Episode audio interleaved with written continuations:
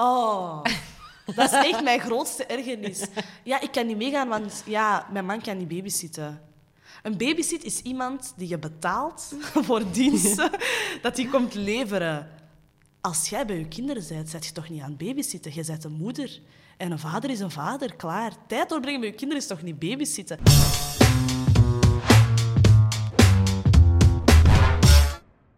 Goedemorgen, middag of avond. Je bent weer bij onze podcast Kak, dat wist ik niet voor je kinderen had. Uh, vind je het leuk? Geef dan zeker een goede rating in je postkat, postkat, podcast-app, wil ik zeggen. Of stuur hem door naar je fellow slash parent vrienden.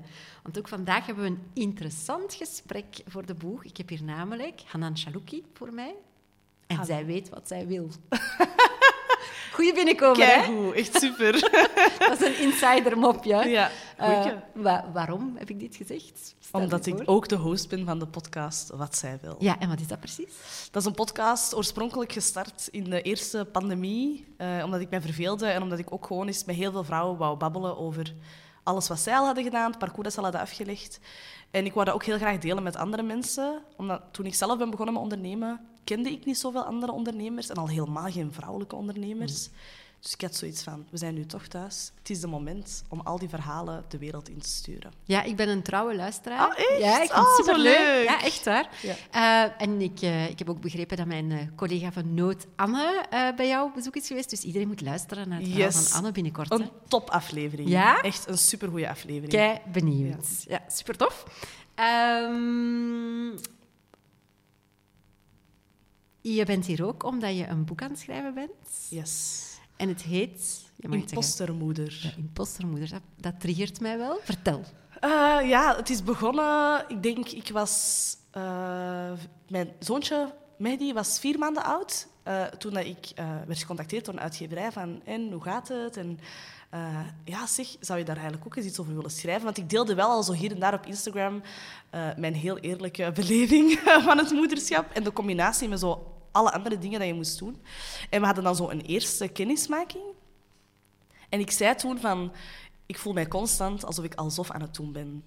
Dat imposter syndroom, dat zit er zo hard in bij mij. En ik dacht dat ik dat had losgelaten, want ik onderneem ook al heel lang. En in het begin heb je daar ook veel last van. Je hebt het gevoel dat je ja, constant doet alsof je het maar weet, maar eigenlijk weet je het helemaal niet. En dan, mijn moeder worden, kwam dat allemaal terug boven.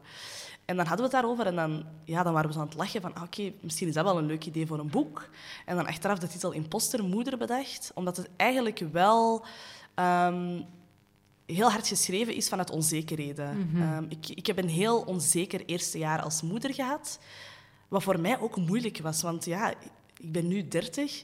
Ik vond mijn 20 jaar sowieso niet altijd even confident.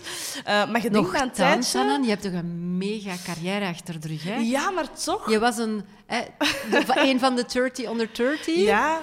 Eh, want zeg eens wat je allemaal hebt gedaan. Ik heb van alles gedaan. Ik heb, uh, ik heb uh, Muslim opgericht, het online mediaplatform. Dan nadien ook weer verkocht aan een uh, Londens agency. En toen was je nog super jong, toch? Ja, ja ik was, ik was 22 ja. toen ik daarmee gestart ben. Ja, achteraf gezien besef je dat dat heel jong was. Maar op dat moment denk je, ja, ik ben gewoon maar iets aan het doen. Ja, maar hoe dan imposter? Ik denk... Ja, en wel, maar ik denk... Het is niet omdat je iets aan het doen bent, dat je daar altijd zelfzeker over bent. Nee, dus ik heb heel vaak mezelf zo over die grens moeten pushen van...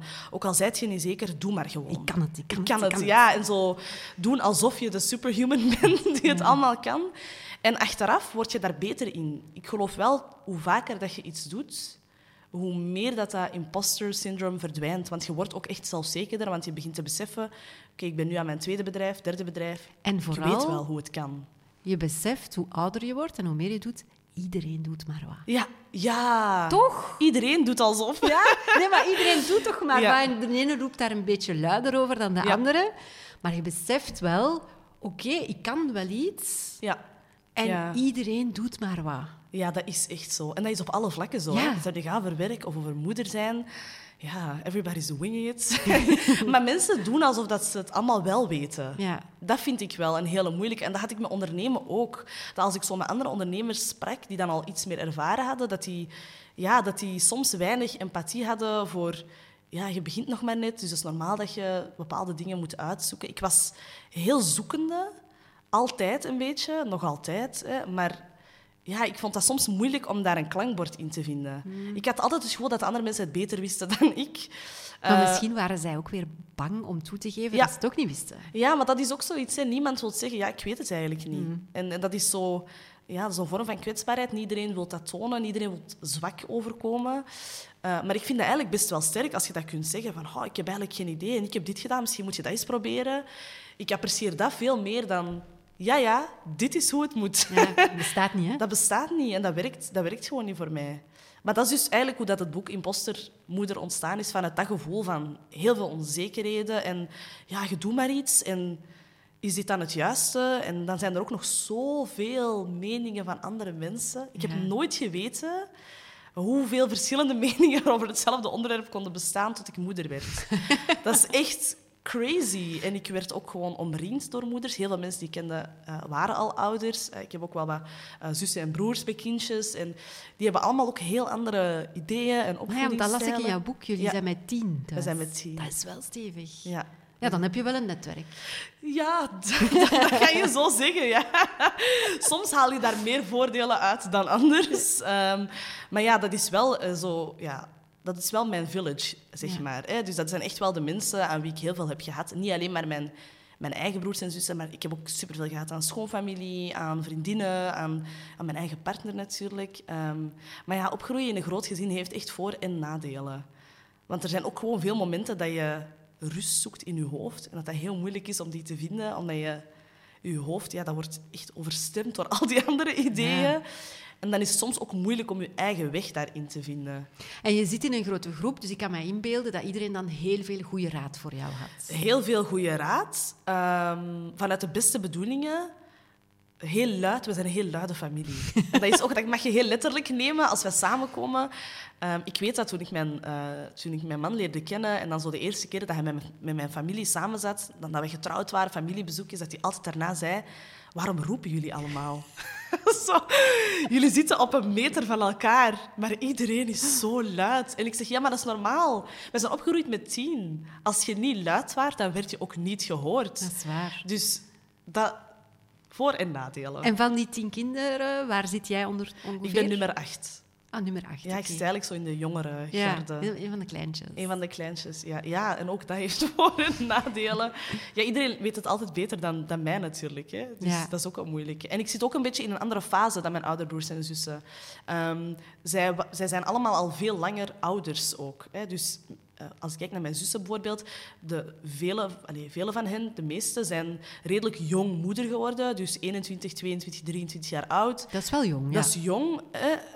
Een ander heeft ook, eh, bij iemand anders heeft het ook veel langer geduurd. Ehm, maar dan, ik was dan veel later moeder, zeg maar. Dus ik stond er ook vanuit een heel andere mindset in. En ik denk soms, en ik heb het daar ook over gehad met Anne... ehm, ik denk soms dat als je jong moeder wordt, dat dat ook heel veel voordelen heeft. Want je bent ook nog heel naïef op sommige vlakken. Op een heel positieve manier van... Ja, we doen maar iets en het zal wel goed zitten. Terwijl als je ouder bent, je, je, je, je denkt meer na over bepaalde dingen. Tuurlijk. En ja, ik, denk, ik heb dat met ondernemen ook. Ik wou het juist zeggen. Ja. Want je moet altijd voldoende naïef zijn om aan iets te beginnen. Ja. Want als je zou weten wat er allemaal volgt... Dan doe je dat nooit. stop Dan, je. doe je dat nooit. Als ik had geweten op 22 jaar wat al dat ondernemen, wat, alles wat er op mijn pad ging komen, de goede en de slechte Ja. dingen, dan was ik er misschien wel niet aan begonnen. Want dan denk je, pff, al die koppijn, al die stress, heel veel zware momenten, heel veel discussies en oh, moeilijke periodes ook. Je, je beleeft heel veel hoogtepunten en dat is ook wat heel veel mensen zien. Maar als ondernemer beleef je ook heel veel dieptepunten. Ja. Maar dat is hetzelfde met kinderen. ja. Ik kan u wel zeggen van... Ik, allez, ik, vandaag zou ik kunnen zeggen, ik zou er opnieuw aan beginnen. ja. Maar, Gelukkig. maar langs de andere kant...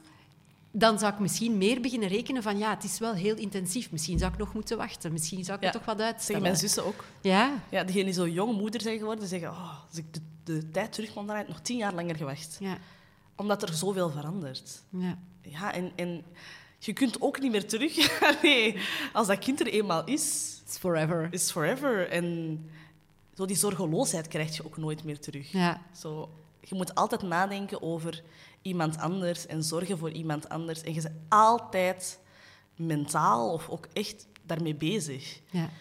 Dus dat, dat is wel een gemis. En dat impostergevoelsyndroom dat je hebt rond dat moederschap, is dat dan nu beter of Dat is nu dat? veel beter. Nee, dat is nu veel beter. En ik zie dat ook echt als iets wat heel centraal stond bij mij in dat eerste jaar moederschap. Maar ik vind wel, naarmate dat, dat je kind ouder wordt en dat je er zelf ook meer begint te beseffen van... Eigenlijk doe ik dat wel goed. Ik, ik ben eigenlijk echt wel een goede moeder. en dat is erg dat dat zo lang duurt voor je dat kan zeggen. Want ik heb heel vaak in dat eerste jaar het gevoel gehad... Amai, ik doe dit zo slecht. En waarom huilt hij? En ik begrijp het niet. snap en. Ik snap het niet. Je hebt net gegeten, je hebt goed geslapen. Wat, wat is er mis met je? Dus, en je, krijgt ook, je gaat alles ook aan u linken. Ja. Dat is ook het probleem. Dus alles wat er gebeurt met dat kind, soms positief, maar ook soms ja, de mindere dagen, gaat je direct denken, ik doe iets verkeerd. Ja. Het ligt aan mij. Dus, en dat verdwijnt na een tijdje. Beseft je, oh, die heeft gewoon een slechte dag. Die is gewoon vervelend aan het doen en zal er wel laten groeien. Of je gaat daar zo sneller ja, vrede in vinden. Maar ik geloof dus wel dat dat imposter-syndroom, dat heeft een heel, allee, een heel hard effect, ja, allee, een grote invloed gehad bij mij in dat eerste jaar. Maar het, is wel, het werd beter naarmate dat mijn zoontje ouder werd. ja. Ja, ik vond het leuk aan het boek om het te lezen, omdat, ehm, omdat ik een boek lees dat ik- aan langs de ene kant zo Vlaams is Ja. en toch zo Marokkaans tegelijk. Ja, dat. En dat vind ik echt verhelderend. Ik vond het wel tof om te zien. Allee, omdat heel vaak heb je toch die verschillende culturen en jij brengt die zo op een organische manier samen. Jullie zijn zo Vlaams en Marokkaans tegelijk. Ja, dat is zo. En dat is voor heel veel Marokkaanse Belgen zo. Maar je ziet dat niet als mensen er niet over praten. En dat is zo. Wij zijn echt die mix van alles. Hè. Wij zijn zo Vlaams op sommige dingen dat ik echt denk... Oh my god. Mijn ouders bijvoorbeeld, toen ik ben begonnen met ondernemen, was het altijd zo... Ja, maar stabiliteit. Kan je niet beter voor een vaste job gaan? Ik vind dat iets heel Vlaams. Hè. Dat is iets heel Vlaams. Eh, dus, dus dat zijn zo die dingen die erin zitten, die krijg je er niet uit. Eh, maar wij zijn ook heel Marokkaans op heel veel vlakken. En ja, dat is gewoon uiteindelijk wie dat wij zijn. Hè. Wij zijn die, die mix van verschillende culturen. En ook in mijn eh, ja, in het moederschap heb ik dat heel hard gevoeld. Hè. Want sommige dingen van die mijn moeder... Ik verwijs ook in mijn boek heel, veel, heel vaak naar mijn moeder en hoe dat zij de dingen aanpakt. En de dingen die zij heeft gedaan... Ja. Ja, sommige dingen denk ik, oh, fantastisch. En andere dingen denk ik, dat zou ik nooit doen. Tien kinderen. Van zodra ik er één had, dacht ik, hoe, hoe heb je dat gedaan, moeder? en, dat is, ja, en ik zeg moeder, want mijn vader was er natuurlijk ook altijd voor ons, maar dat is toch een hele andere rol. Hè. Eh, hij was de werkende mens, mijn moeder was huisvrouw, dus haar hele leven staat in het teken van die kinderen grootbrengen, dat huishouden draaiende houden. En dat is in mijn ogen 10.000 miljoen keer zwaarder dan naar buiten gaan gaan werken en terug naar huis komen. En is dat een trigger voor jou geweest om te zeggen: ik ga zeker geen huismoeder worden ooit? Ah, ik vind dat een hele moeilijke, want ik zie er de voor- en de nadelen van in. Dus ik probeer dat wel te relativeren. Ik denk, ik ben zelf altijd al iemand geweest die heel ambitieus is op heel veel vlakken. Dus ook voordat ik moeder werd, wist ik al van ik heb altijd iets nodig. Iets, een project, een passie, een onderneming, ehm, een plek om mijn ideeën in, in kwijt te kunnen. Dus dat is altijd al wie ik ben geweest. Maar ik moet zeggen, ik heb heel vaak als werkende moeder gedacht, ik ben jaloers op mijn zus die ervoor heeft gekozen om thuis te zijn bij de kindjes en die, die af en toe een flexiejob doet, maar voor de rest eigenlijk heel veel thuis zit. Ik ben daar soms jaloers op, want ik denk, ah, dat moet toch ook ergens rust in je hoofd geven Headspace. die, die headspace. En ik denk soms van, oh, zo'n jaar niet werken, dat lijkt me ook wel heel plezant. En misschien doe ik dat ook wel. Daarom. Ehm, dus ik weet het niet. Ik zou nooit kunnen zeggen van, ja, dit is iets wat ik nooit zou willen doen, omdat ik... Ja, ik heb echt geleerd dat heel veel mensen op een ander ritme leven dan mij. En ik leef soms veel te snel en ik wil veel te veel op een veel te korte periode, in een veel te korte periode. En dan denk ik, ah, soms lijkt dat mij ook wel leuk om zoiets echt te kunnen vertragen en trager te leven en meer bewust, allee, bewust te zijn van bepaalde dingen. Dus het is niet zo dat ik en ik geloof ook niet dat mijn- dat, dat altijd voordeel heeft. Ik zeg het heeft voor- en nadeel. Want als ik kijk naar mijn moeder, ja, tien kinderen, dat is geen rust in huis. Eh, dat, nee. is niet, dat is geen headspace. Dat is 0,0 headspace. En op dat vlak denk ik, ja, ik heb meer rust als ik naar het werk ga en ik kan een koffietje pakken aan het koffiezetapparaat en ik kan een babbeltje doen, een gezellig lunchje met de collega's. Ja. En, dus alles heeft zo zijn voor- en nadelen, maar het is echt afhankelijk van wie dat je zelf bent als persoon. Ik heb wel eh, heel veel verschillende manieren gezien in mijn eigen familie, in mijn vriendenkring, van hoe dat die combinatie voor heel veel mensen werkt. Ehm, en dat altijd zo'n beetje een zoektocht is tegen voor jezelf. Ja, want je haalt ook in je boek aan over de verdeling man-vrouw. Ja, hoe dat je dat ziet. Uh, 100% gendergelijk. ja, er zijn heel veel dingen waarvan ik denk, sorry, maar ik ben niet geboren met een talent om beter pampers te kunnen uh, verversen of, of, of, te kunnen verschonen. Ik ben niet, dat is allemaal niet aangeboren. Ik heb dat gewoon vaker gedaan, omdat ik ook als jonger meisje bezig was met neefjes, nichtjes enzovoort. En al vaker babysitten. Maar dat wil niet zeggen dat ik zoiets heb van, ja, jij moet dat niet doen, schat. Mhm. Ik zal dat wel doen. Ik ben daar geen fan van. En ik denk wel dat er sommige dingen zijn die ik als moeder misschien beter ga kunnen aanvoelen. Ook puur biologisch. Hè. Maar voor de rest ik vind dat echt zot dat wij in deze tijd, dat ik nog zoveel mensen ken die alles doen. En zit er voor jou, in jouw perceptie, een verschil tussen Vlaams en Marokkaanse gezinnen daarin? Op heel veel vlakken niet. Want ik heb even goed uh, uh, Vlaamse witte vriendinnen waarvan ik denk, ja, maar meisje, jij werkt je kapot en je komt thuis en uw vriend legt zijn voeten op tafel. En dus op dat vlak denk ik, ja, wij geloven wel heel graag van we zitten in die feministische, feministische, dat feministische tijdperk. Maar durven we dat ook echt toepassen op onze eigen relaties of praten we daar gewoon over? En dan merk ik, ja, dat zit echt dat zit overal een beetje. Ik denk wel, ja, de generatie van mijn moeder was veel traditioneler dan deze generatie. Dus daar gaat je wel nog een heel traditioneel genderpatroon zien. Zoals bij mijn ouders. Uh, man werkt, vrouw zit thuis. Ik zeg het, dat heeft ook zijn voor- en nadelen. Maar je moet daar wel allebei akkoord mee gaan. En dat moet wel een, een eerlijke verdeling zijn. En vandaag denk ik, ja sorry, maar als ik in een uh, huwelijk zit en ik moet... En ik werk ook. Het is niet zo dat ik heel de dag thuis zit. Hè. We werken allebei, we hebben allebei een drukke agenda. Maar waarom zou je dan verwachten, als ik thuis kom, dat ik ga koken? Of dat ik de hele avond alleen voor mijn zoontje moet zorgen en hem in bed ga stoppen enzovoort.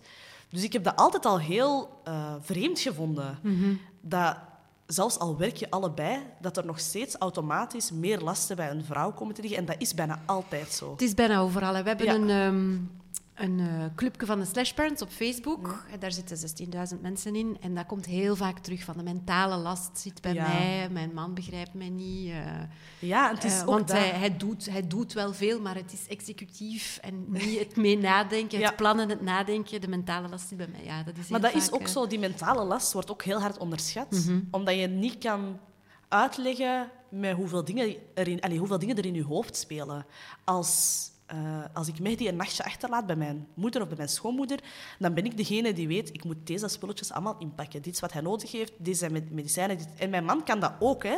Ah, ja, maar ik ga dat... daar veel meer over nadenken. Inderdaad, en je haalde aan in je boek, en dat vond ik ook wel een goeie, dat je veel te vaak hoort van vriendinnen, mijn man is aan het babysitten. Oh... Dat is echt mijn grootste ergernis. Ja, ik kan niet meegaan, want ja, mijn man kan niet babysitten. Een babysit is iemand die je betaalt voor diensten, dat die komt leveren. Als jij bij je kinderen bent, zet je toch niet aan het babysitten. Je bent een moeder. En een vader is een vader, klaar. Tijd doorbrengen met je kinderen is toch niet babysitten. Maar dat wordt wel heel vaak zo gezien. Dat en dat is wat gezegd. ik ook een hele moeilijke vind, want dat lijkt altijd zo... De moeder is de standaard. Die moet altijd bij haar kinderen zijn. En alle tijd die een vader doorbrengt met zijn kinderen is extra. Dat is babysit-tijd. Nee, maar dat is... En het zit hem vaak in de woorden die de waarheid geven. Hè? Ja. Dat is heel stom. Um, mijn man doet ook veel, maar hij zegt tegen mij heel vaak, maar ik help u toch niet. Maar het Ja. zit hem in de woorden ja. helpen. Ik word daar woest van. Ik Ja. denk, maar je helpt niet, je moet gewoon de helft doen. Ja. Je moet mij niet helpen, je moet je deel doen. Ja, maar dat is het. Het wordt gezien als u helpen. Want het is eigenlijk allemaal uw taak. Dat is toch en niet jij krijgt hulp. Dat is toch raar? Ja, maar dat is echt... En ik krijg ook heel vaak die reactie, hè, omdat Mohamed, mijn man, die doet echt... Ja, alles wat ik ook doe, kan hij in principe ook doen. En als ik vertrek, dan ben ik redelijk zorgeloos. Hè. Dan weet ik, he got this. Maar dan, dan kom ik ergens toe, bijvoorbeeld bij familie, en zegt mijn zus... Ah, waar is Mehdi? Ja, thuis, met papa. Amai, dat is wel lief. ik, wat?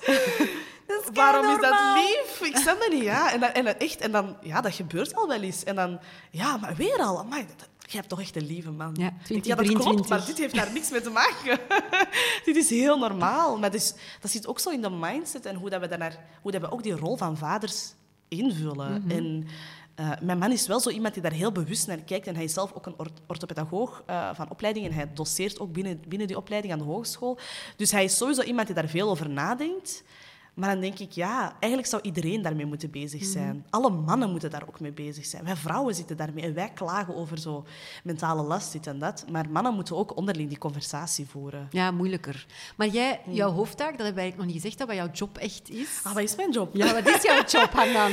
Eh, ja, ik werk in het dagdagelijkse leven eh, rond inclusieve communicatie en marketing. Ik doe dat zelf als ondernemer, on- op dit moment onder de noemer van Inclusify, het bedrijf dat ik heb opgericht. En ik werk ook heel veel in partnerships. Dus ik werk heel vaak met andere agencies. Ik heb een agency gehad, eh, vijf jaar ook mee opgericht. Daarna heb ik mijn aandelen daarin verkocht, omdat ik zelf ja, veel meer ook echt die focus eh, wou zetten op dat inclusieverhaal en ook zelf meer wou doen. Ik miste dat. Als je personeel hebt, ja, dan, ja, dan moet je ook Managen. veel daarmee bezig zijn en managen. En dan denk ik, ja, maar ik mis het echte werk en zelf zo terug in de, in de praktijk staan. Ehm, dus dat is eigenlijk wat ik vooral doe. Dus ik begeleid organisaties en bedrijven en merken om ja, stappen te zetten richting meer inclusie en diversiteit. Vooral En op wat het gebied van betekent dat, communicatie. eh, die inclusiviteit en diversiteit? Dat betekent ook eh, gender? Of wat betekent Dat zit op alle vlakken. Dat gaat vooral over... Ja, diversiteit is de observatie van verschillen. Mensen verschillen op heel veel vlakken. Hè. Wij kunnen op sommige vlakken op elkaar lijken en dingen delen met elkaar, maar wij gaan ook verschillen hebben. En sommige verschillen gaan mij een achterstand geven in de samenleving en eh, u een voorsprong. Dat is diversiteit. Inclusie is eigenlijk, ja, hoe gaat je om met die verschillen? hè? Hoe, eh, hoe- is het echt nadelig binnen een bedrijf als ik er werk als vrouw versus als mijn man zou werken als man dan? Heeft, speelt die etnische achtergrond daar een rol? Dus dat gaat echt over, oké, hoe worden mensen behandeld, bekeken? Hoe voelen zij zich binnen een bepaalde context? Ja, dat is heel waardevol werk. En zie je dan ook eh, hetzelfde principe om toe te passen op een gezin? Ik wil zeggen, Ja. die genderrollen. Ja, heel vaak. Want eigenlijk is een gezin een beetje een samenleving in het klein. Er zijn heel veel patronen en structuren. En sommige dingen hebben we meegekregen vanuit de geschiedenis en herhalen we en we denken daar niet over na, ook al zijn die helemaal niet zo inclusief. Dus die genderrollen die zitten, die zitten vastgeroest. Dat is iets wat super moeilijk te doorbreken is. En ik herhaal ook van, als je je daar comfortabel bij voelt, ja, doe je ding. Hè. Maar ik vind wel dat je soms bepaalde patronen moet kunnen doorbreken, vooral als dat niet gezond is. Ook niet binnen je huwelijk of, of ook niet voor de kinderen. Ehm, ik vind bijvoorbeeld, ja, als ik, als ik de enige ben die er altijd moet zijn voor mijn kinderen en ze zien hun papa nooit, ja, dat is een patroon dat we heel vaak terugzien bij gezinnen. Maar dat is niet gezond. Hè. Ik wil dat mijn zoontje ook een relatie ontwikkelt met zijn vader, net zoals dat hij met mij een relatie moet ontwikkelen. Dus dat inclusieve verhaal, dat kan je daar eigenlijk ook op toepassen. Dat gaat over hoe doe je het beter, hoe zorg je ervoor dat iedereen zich goed voelt binnen een bepaalde context en hoe heb je ook aandacht voor bepaalde gevoeligheden. Ehm, en die gevoeligheden, dat is soms moeilijk om daarover te praten, hè, want ja, waarom, neem je het, waarom vind je het vanzelfsprekend dat je als vrouw dit en dit moet doen?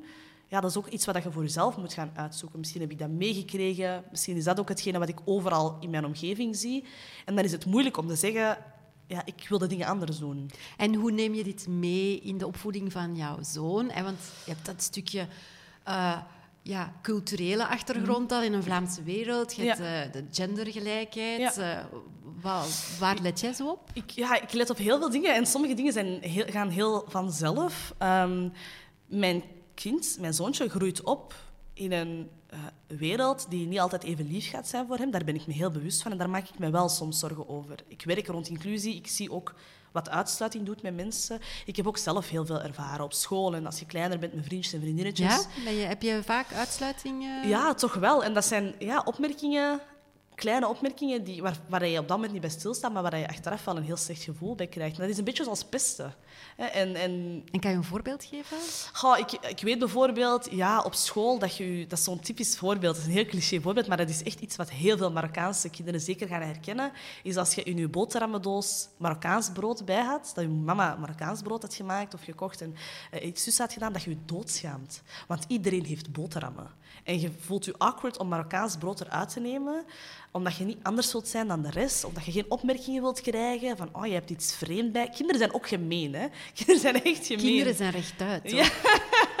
Dat is waar, die Zonder zeggen wat ze denken. ja, Ja, die ja. zeggen wat ze denken. En was je dan het enige Marokkaans kindje? Nee, in de lagere school niet. In het eh, secundair onderwijs. In de lagere school zat ik eigenlijk in een heel mooie eh, mix van, allee, mix, gemixte school. Ehm, in het secundair onderwijs heb ik wel de helft doorgebracht in een heel witte school. Dan was ik wel altijd de enige. Ehm, dat is echt, ja... Dat is soms heel confronterend gewoon. En afhankelijk van wat er gebeurt binnen die periodes, dat er zo meer aandacht wordt gevestigd, bijvoorbeeld op je religie. Eh, je hebt eh, eh, 9-11, toen zat ik in de lagere school, Ah, ja. maar ook andere dingen die gebeurd zijn, die voor sommige mensen misschien al lang geleden lijken, maar bijvoorbeeld eh, de moord op Joe van Holsbeek. Ik herinner mij dat nog zo perfect, omdat er die dag eh, zoveel opmerkingen zijn gekomen van medeleerlingen die met mij in de klas zaten, van het zal wel Marokkaan geweest zijn, een van jullie geweest zijn. En waarom herinner ik me dat perfect? Omdat ik toen weet dat het niet iemand was van Marokkaanse origine en dat ik me opgelucht voelde. En dat is heel erg, dat je als 12, 13, 14-jarige met zo'n gevoel moet zitten. Dus dat zijn dingen die je niet snel gaat vergeten, waarvan ik altijd wel hoop dat mijn zoontje die niet moet meemaken, maar dat is iets waar je, ja, je kunt die niet in een glazen, glazen bokaal Wapen je hem daartegen? Leg jij de Hij is nu nog heel klein. Hij is Ja. nu nog heel klein. en Hij is nog maar anderhalf. Maar ik hoop wel om op een bepaalde leeftijd dat gesprek met hem te kunnen voeren. Van oké, jouw naam is Mehdi. Jij, jij hebt een bepaalde naam, je hebt een bepaalde achtergrond. Wij spreken soms een andere taal. Veel te weinig trouwens, maar we proberen dat wel. Spreken jullie vaker Nederlands thuis? Wij spreken bijna alleen maar Nederlands. Oké. Eh, en dat is wel iets waar ik, waarvan ik zeg van ik wil echt meer thuis het Mezert spreken, de taal waar dat we het Rifijns, waar dat we ook in zijn opgegroeid. Maar ja, Nederlands is zo gemakkelijk. dat is mijn moedertaal. Mijn moeder spreekt ook veel meer Nederlands met Ja? ons dan, dan, dan onze moedertaal, dan een andere taal. En dus dat is heel moeilijk om daaraan vast te houden. En ik merk dat ook nu met zo mijn generatie al. We spreken het al veel minder dan de generatie van onze ouders. Meestal. En ik vrees dat het er ooit uitgaat. Dus dat vind ik wel jammer. Je Dus wilt dat stukje cultuur ik wel wil dat wel behouden, want Ja. het is een taal van een eh, minderheid in Marokko. En het is zo, ja, het is een stukje van jezelf dat toch wel belangrijk is. Ik vind dat, ik vind dat ook een meerwaarde, dat je meerdere talen kan spreken, dat je een emotie of een gevoel in meerdere talen kan uitdrukken. Dus dat wil ik dan wel zo behouden. Dus er zijn altijd dingen waarvan je zegt, dat hoeft niet, dat wil ik niet. Dat mag uit de culturele rugzak. Eh, maar er zijn ook dingen waarvan je zegt, ja, dat moet ik echt wel meegeven. Ehm, en zo, als het gaat over diversiteit bijvoorbeeld, ik, ik hou van kinderboekjes. Eh, Als kind vond ik het altijd heel leuk om te lezen, nog altijd. Ehm, maar bijvoorbeeld, ik let heel bewust op, ik wil diverse kinderboeken kopen, want ik heb die zelf nooit gehad. De beeldvorming. De beeldvorming. Ik ben opgegroeid met Jip en Janneke en Eefje Donkerblauw. En dat zijn allemaal superleuke boeken, maar ik wil wel dat mijn zoontje zich Ook een echt- beetje racistische boek, kinderboeken tegenwoordig. Maar Ja, op dat moment. Superleuke boekjes. Ehm, maar, maar ik wil wel dat mijn zoontje eh, ja, zich kan herkennen in verhalen. Dus ik koop echt heel bewust wel zo eh, eh, diverse kinderboeken om ervoor te zorgen dat hij, qua beeldvorming dat hij niet het gevoel heeft dat hij er nooit bij hoort. ja, dat Ja. hij wel het gevoel heeft van, hier zijn kinderen die op mij lijken. Ja, en het gaat soms ook over mij op een leuke manier en niet alleen op een negatieve manier. Ja, dat is toch binnenkort komt er zo My Little Mermaid uit. Ah, en, ja, ja, ja. En dat heeft dan toch zo de ronde gedaan van de wereld, omdat het een zwarte... ja, en- ik vind dat zo altijd... ik vind dat heel moeilijk, want ik denk altijd... Is dit de grootste zorg die wij hebben? Mhm. is dit de grootste zorg die wij hebben in deze samenleving? Dat The Little Mermaid een donkere vrouw is? En ga je echt die film minder leuk vinden omdat, het, omdat ze niet wit is? Want dan, is, dan ligt het probleem bij Ja, dat is u. grappig. Dat is wat dat jij ziet. In mijn gevoel was dat... Ik heb zoveel positieve reacties gezien vanuit de zwarte Ja. gemeenschap, die daar dan heel blij mee waren. Ah, Zo had ja, ik het gezien, dat is het eigenlijk. Ja, en wel, dat is, maar dat is super mooi, want inderdaad, daar zie je heel veel herkenning. Maar wat ik heel veel heb gezien is zo, ja, Boze mensen. boze mensen, comments op Facebook. En dan dacht ik, allee, is dit onze grootste zorg? Dit betekent zoveel, inderdaad, voor zoveel mensen op een Ja. super positieve manier. Maar mensen echt, nee. Ja, ik denk, we zijn 2023 en we zijn nog altijd die dingen aan het doorbreken. Ja. Ehm, allee, het feit dat we voor een Disney-film zoveel lawaai maken en dat dat een ding is dat er nu iemand Ja. zwarte huidskleur heeft. Of, allee, ja, ik vind dat wel Maar de theorieën die ik daarover heb gelezen, die waren pas grappig. Hoezo? De comments van, ja, Ariel kan niet zwart zijn, want ze leeft in het water. En je kan daar geen donkere huid hebben. Als... Dat, ik, heb zo'n, ik heb theorieën gelezen waarvan ik echt dacht... Wow, jullie hebben echt heel veel tijd. Denk Hoe kom je daarop? Hoe kom je daarop? Dus dan zit je inderdaad, voor sommige mensen blijft dit moeilijk. Blijft dit ook een moeilijk gesprek, een moeilijke discussie. En is het ook echt een discussie? En niet zozeer van, ah ja, wij erkennen dat inderdaad voor sommige mensen moeilijker is om zichzelf daarin te herkennen. Maar het moet toch altijd zo'n beetje een debat zijn. Ja. Ja. En zijn er nog dingen waar je op let in je opvoeding? Ehm, ja, wij zijn moslims. Dus dat wil zeggen dat ik natuurlijk ook wel die opvoeding vanuit islamitische waarden meegeef aan mijn eh, zoontje. Dat vind ik ook wel belangrijk. Dat ik hem de religie kan meegeven op een positieve manier en als iets dat hem kan versterken in wie dat hij is ook. Hè. Dat het niet zoiets is van, ah, ik schaam mij omdat ik zo ben opgevoed, maar dat hij daar ook trots op kan zijn. Ehm, dus bijvoorbeeld binnenkort is het Ramadan. En dan vind ik het wel heel leuk om zo decoratiedingetjes rond Ramadan te doen en, en, en zo, eh, ja, een soort van advent calendar, maar voor de Ramadan zo 30 zakjes die je dan vult Ik met zag leuke dat op dingen. jouw Instagram, dat je zei van ja, het wordt al wat commerciëler ook hier. Ja, maar ik vind Ik dat, wel leuk. Ja, ik vind dat leuk, want het, het ding is, en ik weet dat heel veel moslims van mijn generatie dat altijd zo benijd hebben, kerstmis is zo leuk. Er is zo heel veel rond te doen. En ik vind dat belangrijk dat wij ook onze feesten durven te vieren op alle mogelijke manieren. En dat we dat ook zo meegeven aan onze, aan onze kinderen. Dus dat zijn ook wel dingen die, die, waarvan ik zeg van oké, dat vind ik belangrijk om, om te En behouden. vier jij kerstmis ook? Nee, ik vier geen kerstmis. Nee. Ja, dat is, ik heb dat nooit meegekregen. Dat is ook zo, dat zit niet echt in mijn, in mijn cultuur of in mijn gewoonte. Ik vind de straatverlichting en de lichtjes zo wel altijd heel leuk om te zien. Gezellig in de donker. Ja, mijn moeder is ook zo. Hè. Die, die heeft niks met kerstmis, maar oh, ik ben toch blij dat al die lichtjes hier nu hangen. Dan denk ik, oké, ja. Dus Ja, ik vind het wel appreciëren. Hoe rijm je dat? Want ehm, ja, ik ben dan iemand Hm.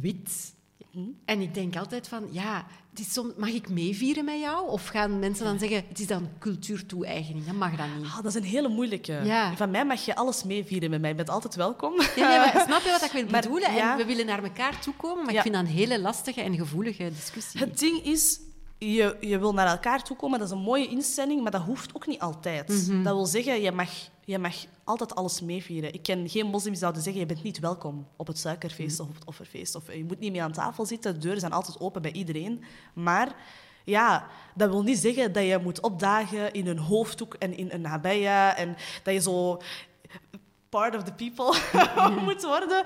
Dat is ook niet de bedoeling. Ehm, en sommige dingen, daar kan je ook moeilijk in naar elkaar toe groeien. Want ja, als je, dat, als je geen kerstmis viert, omdat dat niet binnen je geloof past, of omdat dat niet iets is wat je gewoon bent, dan is dat zo. En dan mag je het ook niet opdringen aan elkaar, denk ik. Dus het moet wel zo ergens iets zijn waar je elkaar in kan vinden. ja. Ik snap dat wel, maar snap je ook dat de nuance soms voor mensen moeilijk is? Ja, absoluut. Tuurlijk. Het is heel moeilijk. En het is, de nuance is vaak ook gewoon zoek. Want mensen zien alleen maar een krantenkop, een, een, een quote, een, een, heel, eh, ja, een, een heel negatieve uitspraak bijvoorbeeld. En, het, en een heel gesprek over een onderwerp wordt daartoe gereduceerd. En dan snap ik inderdaad dat de nuance heel, heel ver zoek kan zijn. En dat, dat je daar zelf ook wel actief naar moet zoeken door te, door te praten met mensen. En door uit te zoeken, ah, maar waarom vieren jullie iets niet? En waarom doen jullie dingen op een bepaalde manier? Onbekend maakt onbemind. Absoluut. En door in gesprek te gaan met elkaar, kan je elkaar wel beter begrijpen. Dat, ik hoop ook dat mijn boek daartoe kan bijdragen. Dat heel veel mensen zien inderdaad van... Ah, oké, kijk, die verschillende werelden komen daar zo in samen. En dat is hoe zij het moederschap beleeft. En dat het niet zo is van... Ah, het is het verhaal van een Marokkaanse moeder. Nee, want het is uiteindelijk een verhaal dat jij vertelt, is heel herkenbaar voor Ja, iedereen. voor hè? iedereen, Ik ja. lees het en ik denk, ja, ja, ja, ja. ik snap het. Ja. Er zijn een aantal thema's die terugkomen. Hè. Bijvoorbeeld, ja, een succesvolle ondernemer, mag je dan wel kinderen hebben? ja. Valt dat te combineren? Ja, dat is zo'n vraag die je dan krijgt. En dan moet ik ook eerlijk zijn dat mijn eigen moeder zoiets had van... "Hm, Jij zit toch... Zit jij, wil jij kinderen? Ik denk dat jij meer een carrièremens bent. Mijn moeder noemt dat carrièremens. Ja, hè. of, of. Ja. Of, of. Dus voor haar was het zo nooit... Dat, dat paste niet samen. Want als je altijd werkt, dan kan je toch niet voor je kinderen zorgen. Dus heel zwart-wit. Terwijl dat ik ook heel veel voorbeelden zag van ja, hoe het wel kan en, en vrouwen die het wel doen. Maar dat is ook, een, ook weer iets dat je moet zoeken. En, en die, die vooroordelen daar rond, dat merk ik wel. Hè. Van, ah, je bent wel veel weg, hè. En, ah, wel naar het buitenland, twee, drie dagen. Ah, en wie babysit er dan de kinderen? Man. Eh, dus ja, dat, het is vooral... Het is niet zo dat het niet te rijmen is. Het zijn de verwachtingen van andere mensen die het moeilijk maken voor uzelf, voor u, om uw weg daarin te vinden. Want je hoort al op voorhand van, ja, fulltime werken met kinderen, dat is eigenlijk not done. Ja, en dan voelt je al slecht dat je het nog maar hebt overwogen om fulltime te werken. Dus ik, ik, ik ben vooral voor het idee dat iedereen zijn weg daarin zoekt, maar ook de vrijheid krijgt om dat te doen zonder al die meningen. Want de ene persoon is daar beter tegen bestand dan de andere. Ik ken eh, moeders die zoiets hadden van, oh, moet eens met je eigen zaken, en die dan verder gaan met hun dag. Maar ik was zelf wel iemand die heel veel dingen ja, meedroeg ergens. En zo dacht van, ah, oké, maar die vindt dit en die vindt dat. En ja, misschien weten die het wel beter dan ik, want voor mij is het toch maar ook mijn eerste kind. Ik wil het vooral niet verpesten. Ehm, dus ik denk ook wel, de, de ene persoon is daar beter in dan de andere, maar het maakt het niet gemakkelijk. En ik vind het jammer dat de commentaar heel vaak komt van andere vrouwen. Ik heb zelden een man die had die tegen mij zei... Maar ondernemen en kinderen, dat gaat toch niet? Dat interesseert die mensen niet. Maar het zijn vooral vrouwen die daar heel vaak een mening over hebben. Waarschijnlijk omdat ze er zelf mee zitten. Hè? Ja, de, je projecteert, ja, waar je zelf mee zit, projecteer je heel vaak op anderen. Nu moet ik ook zeggen, de meeste steun heb ik ook gekregen van vrouwen. Ik ben gewoon over het algemeen heel, ja, veel meer omringd door vrouwen dan door mannen. Ehm, maar dan denk ik toch van, allee, we, we kunnen toch een beetje liever zijn voor elkaar allemaal. Is dat dan je advies aan andere vrouwen die aan kinderen willen beginnen? Denk na over je eigen keuzes en sta er gewoon los achter. Ehm, ja, ik denk, ik denk dat mijn advies eerder zou zijn van als je een keuze maakt, probeer die dan ook niet altijd te verantwoorden voor andere mensen. Ik denk dat we dat heel snel zo automatisch gaan doen. Want ik, ik, ik weet nog dat ik een paar dagen geleden uh, was ik voor mijn podcast dus in gesprek met Nina Mouton. En dan was, waren we bezig over de crash. En dan zei ik, ja, ik ben mijn zoontje naar de crash, maar het is echt een goede crash. en, en, dan zei ze, ja, maar je moet je niet verantwoorden. En ik zeg, ja, zie, dat is het. Het is niet zo dat ik mij slecht voel bij die beslissing. Het is het, dat ik het gevoel heb dat ik dat altijd maar moet verantwoorden. En ik denk dat dat iets is wat we meer moeten loslaten. Van als je iets doet, volg je daar inderdaad je gevoel in. Jij weet het ongetwijfeld beter dan anderen. Uh, maar ja, heb ook niet het gevoel dat je altijd opnieuw je moet gaan verantwoorden voor, voor uw ideeën of voor uw perspectief op ouderschap. Nee, luister naar het advies, neem ervan mee wat dat je wil meenemen en maak je eigen beslissing. Ja, doe wat je wilt. Ja, want je hebt het heel veel over mom guilt. Ja. Ja, ik, ik voelde me heel vaak schuldig. ja, maar ik zeg het, hè, aan de ene kant voelt je je al schuldig, want je hebt al zo dat idee van oh, ik, moet er vaak, ik moet er vaker zijn en ik mag geen dingen missen en ik wil er zijn voor die eerste dit en die eerste dat. Um, dus je voelt je al vaak schuldig, maar aan de andere kant maken andere mensen het ook niet gemakkelijker. Mm. Sommige mensen zijn heel goed in het wegnemen van hun schuldgevoel, van ah, maar dat valt echt wel goed mee en maak er geen zorgen over, we hebben dat ook allemaal gedaan. Maar ik heb ook gehad, de eerste keer dat ik um, wegging voor twee dagen naar Milaan om, om te gaan spreken in een panelgesprek, toen was Mehdi zeven maanden oud en toen had ik kreeg ik daar opmerkingen van mensen zo, ah, uw kleine achtergelaten al? Ja, amai. Zeven maanden oud? Dan denk ik, ja, mannen, maak het niet erger. Allee, dat is straf. Ja, en zo, stop! Ja, en dus, dan denk ik, allee, maak het niet nog erger. Maar ik was wel iemand, ik, ik kon mij heel snel schuldig voelen. Soms heb ik dat nog, hoor. Soms heb ik dat nog altijd. Uh, maar dat zegt inderdaad meer iets over, over u. Hè? Want waarom voel ik mij schuldig? Omdat ik heel vaak het gevoel heb dat, dat ik toch dingen mis waar ik toch bij moet zijn. En dus dat is ook weer zo een evenwicht zoeken. Ja, ik, uh, ik heb dat gesprek al gehad met uh, Anne, die dat je dan uh, kent ondertussen.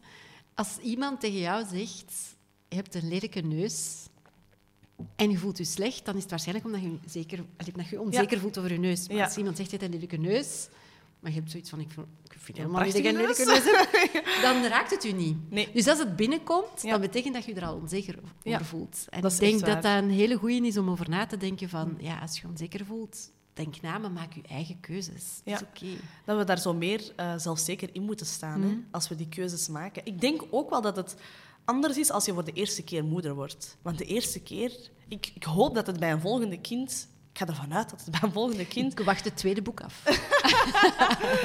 ik ga er wel vanuit dat dat minder wordt. Omdat ik denk, ja, bij de eerste... Ja, je, weet, je weet ook echt nog niks. Iedereen vertelt u van alles over moeder worden en ouder worden enzovoort. Maar ja, je begint daar pas aan op het moment dat je die kleine voor de eerste keer in je armen vasthoudt. En ja, je voelt je heel nieuw en je bent ook echt heel nieuw in dat hele proces. En dat voedt ook je onzekerheid, denk mhm. ik. Terwijl ik nu wel zoiets heb van, oh, mijn volgende doe ik deze niet, doe ik dit wel, doe ik dat anders. En... Ja, niet die wieg van 400 euro. Nee, oh god. Echt, weet je, weet je hoe hard ik heb gevloekt? Je koopt zo'n wieg prachtige rotan wieg. Echt waar. Op mijn website heeft het echt zo twee weken geduurd voordat hij is aangekomen. En zo graag wou ik die wieg. Ja, is goed tot uh, eh, 12 maanden, 14 maanden denk ik zelfs. En dan, en dan was hij een paar maanden oud en dan raakte die voetjes naar voet aan. En dacht ik, wat is dit? Ja, dat is uh, heel herkenbaar voor veel mensen, denk ik. Schandalig. veel te veel aankopen. Ja. Mooie Instagram-foto's. Het moet, de kinderkamer moet prachtig zijn. En Etienne slaapt het gewoon bij u in de kamer in een, uh, op een matras of zo. Of met, met een beetje chance op een matras. ja, maar het is ook zo, al die spullen, dat is ook zo iets waar mijn moeder mij heel vaak mee uitlachte. Die wandelde binnen en die zei echt, ga jij de koning krijgen? Wat is dit allemaal? en zo, ja, we hadden een kinderwagen en we hadden een bedje en dat was het. Ja. En wat is dit allemaal? Ja. En die heeft mij met heel veel dingen echt... Ik wil zeggen gepest, zelfs echt gepest. En zo, ik ga, dat staat ook in mijn boek, denk ik, dat, dat zo de eerste, eh, de eerste keer dat zij kwam logeren, want eh Mohammed was een week weg voor het werk en zij zei van, oh, ik kom eens een nachtje bij u slapen, dan kan ik u helpen. Dat is dus wel oké, zij mag mij helpen, dat is mijn moeder. dat hè. mag En dan kwam zij eh, logeren en dan had ik zo witte ruis opgezet, zo white noise machine. En mijn moeder echt zo, wat is dat lawaai? zo, ik zeg, ja, als witte ruis slaapt hij beter. Zo, je gaat dat toch niet aanlaten? Wie maakt er nu lawaai om een kind te laten slapen? Dus dat is echt, ja, dus die vond dat ik heel veel... En dat was ook zo. Ik had veel dingen die ik totaal niet nodig had. En die heeft alles gerelativeerd voor jou. Ja, ik kon daar vooral goed mee lachen. En lachen helpt om dingen te relativeren. Ik vind dat wel leuk. Op dat moment kon ik mij soms heel slecht voelen. Maar als ik, als ik het boek nu zelf lees... En als je een boek schrijft, moet je het honderd keer lezen in dat proces. Als ik het nu zelf lees, moet ik daar vaak mee lachen. En dan denk ik, oh man, wat was er mis met mij? Of waarom deed ik dit? Waarom kocht Maar we ik hebben dit? het allemaal Ja, gedaan, Hanan. voilà. Allemaal. Zeker Ja. bij dat eerste kind. Ja, ik, eh, ik heb hier nog een quote. Ik had geen idee hoe moeilijk het was om in deze tijden een moeder te zijn. Of beter, hoe moeilijk het moeders gemaakt wordt Ja. om simpelweg zichzelf te zijn en hun eigen gevoel te volgen. Ja, ja. ja ik, ik vind dat echt... Ik denk ook gewoon, als ik vergelijk met mijn moeder of met andere moeders, zeker voor het tijdperk van sociale media, ja, die, die deden hun ding en die werden er minder op afgerekend. Hè. Met een beetje pech krijg je eens commentaar van je kind en gezin over het een of het ander. Maar nu komt de commentaar van vreemden. Van iedereen. Niet alleen van familie, vrienden, maar van overal gewoon. En het is ook altijd ander commentaar. Dus de ene zegt, ja, dat moet je echt vooral niet zo doen. En de ander zegt, ja, wel goed bezig. En, ehm, dus het is heel moeilijk om jezelf te zijn en je eigen gevoel daarin te volgen. En gewoon te zeggen, maar ik vind dit heel belangrijk zoals ik al zei, je gaat snel verant moeten verantwoorden. En ik geloof wel dat sociale media daar ook echt, echt een invloed in, in, in spelen. Ik vind nu ook dat er steeds meer moeders zijn die heel eerlijk en heel eh, authentiek hun verhaal delen. En ook zo, ja, look at all this mess. Dit is wat het is, hè. Het is wat het is, terwijl... Ja, ik zie, ik zie nog heel vaak zo dat de perfectie wordt nagestreefd op alle vlakken waardoor dat je je heel snel slecht voelt als je daar niet binnen past. En ja, dat, ik vind dat echt een problematisch gegeven, want ik merk dat niet alleen bij mezelf, ik merk dat ook bij heel veel andere moeders van mijn generatie. En dat wil ook niet zeggen dat je niet graag moeder bent, hè, want ik, vind, ik vond dat heel leuk op heel veel momenten, niet altijd, Nee, dat kan maar niet. op heel veel momenten vond ik dat wel leuk om met mijn zoontje bezig te zijn en zo die eerste weken en die maanden. Maar de druk is zo hoog op zoveel vlakken dat het u soms ervan weerhoudt om te genieten van bepaalde momenten. En het is daarom dat ik dat ook zo jammer vind. Dat ik denk van ja, maar sommige mensen en sommige opmerkingen en, en onnodige vragen nemen echt joy weg. En, en daarom ook wel dat ik dat boek heb geschreven, omdat ik zoiets had van ja, kijk, ik voelde me heel vaak een imposter. Dat is gelukkig weggegaan met de tijd, maar ik hoop wel dat heel veel mensen die het lezen zoiets hebben van oké, ik ben niet alleen. Het ligt niet aan mij. Ja, ja. En, en ja, dat is, wel, dat is wel iets heel pijnlijk om te zien soms. Dat is zo. Dat is eigenlijk ook de reden waarom we met Maison Slash gestart zijn. Voilà. Om te tonen, je bent niet alleen. En ja, boodschap aan iedereen. We krijgen al miljarden jaren kinderen. Er is nog altijd geen duidelijke handleiding over hoe dat de juiste manier is. Dat betekent dat er geen is. Nee. En dat het afhangt van wie ben jij, wie is je kind. Ja. Hoe, en maak je eigen keuzes, luister naar andere mensen en maak je eigen verhaal. Voilà. Ik denk dat dat het allerbelangrijkste is. Zie hoe slim ik ben. Ja. ik weet het eigenlijk ook nog allemaal. Maar je kunt het wel goed doen alsof dan. Kijk wel zo. Voilà, Hanan, ik eh, ben benieuwd eh, wanneer het boek uitkomt. Wanneer is het precies? 2 mei. Vanaf 2 mei 2 is het eh, mei. beschikbaar. In de buurt van Moederdag. Ding, ding, ding, ding. Yes. Cadeautjes-tip. We zullen alle info in de show notes zetten, ook naar je Instagram. Ehm, en eh, super bedankt voor het gesprek. Dankjewel. Ik vond het ook superleuk eh om met u in gesprek te gaan. Ik, ik vind Maison Slash een geweldig platform. Ehm, en het, is, het helpt mij te relativeren. Voilà, als Hanan het heeft gezegd. Voilà. Kijk, volg ons, lees ons en tot de volgende. Dankjewel om te luisteren naar onze Maison Slash podcast. Als je er iets aan had, deel hem zeker op je socials en rate onze podcast in de app of op onze eigen website. Herkende je jezelf in deze aflevering? Volg ons dan zeker op Instagram, Facebook, Pinterest of TikTok. En niet vergeten, Ga vooral eens naar maisonslash.be, want daar vind je onze shop, artikels, beste adressen, uitstaptips en veel meer.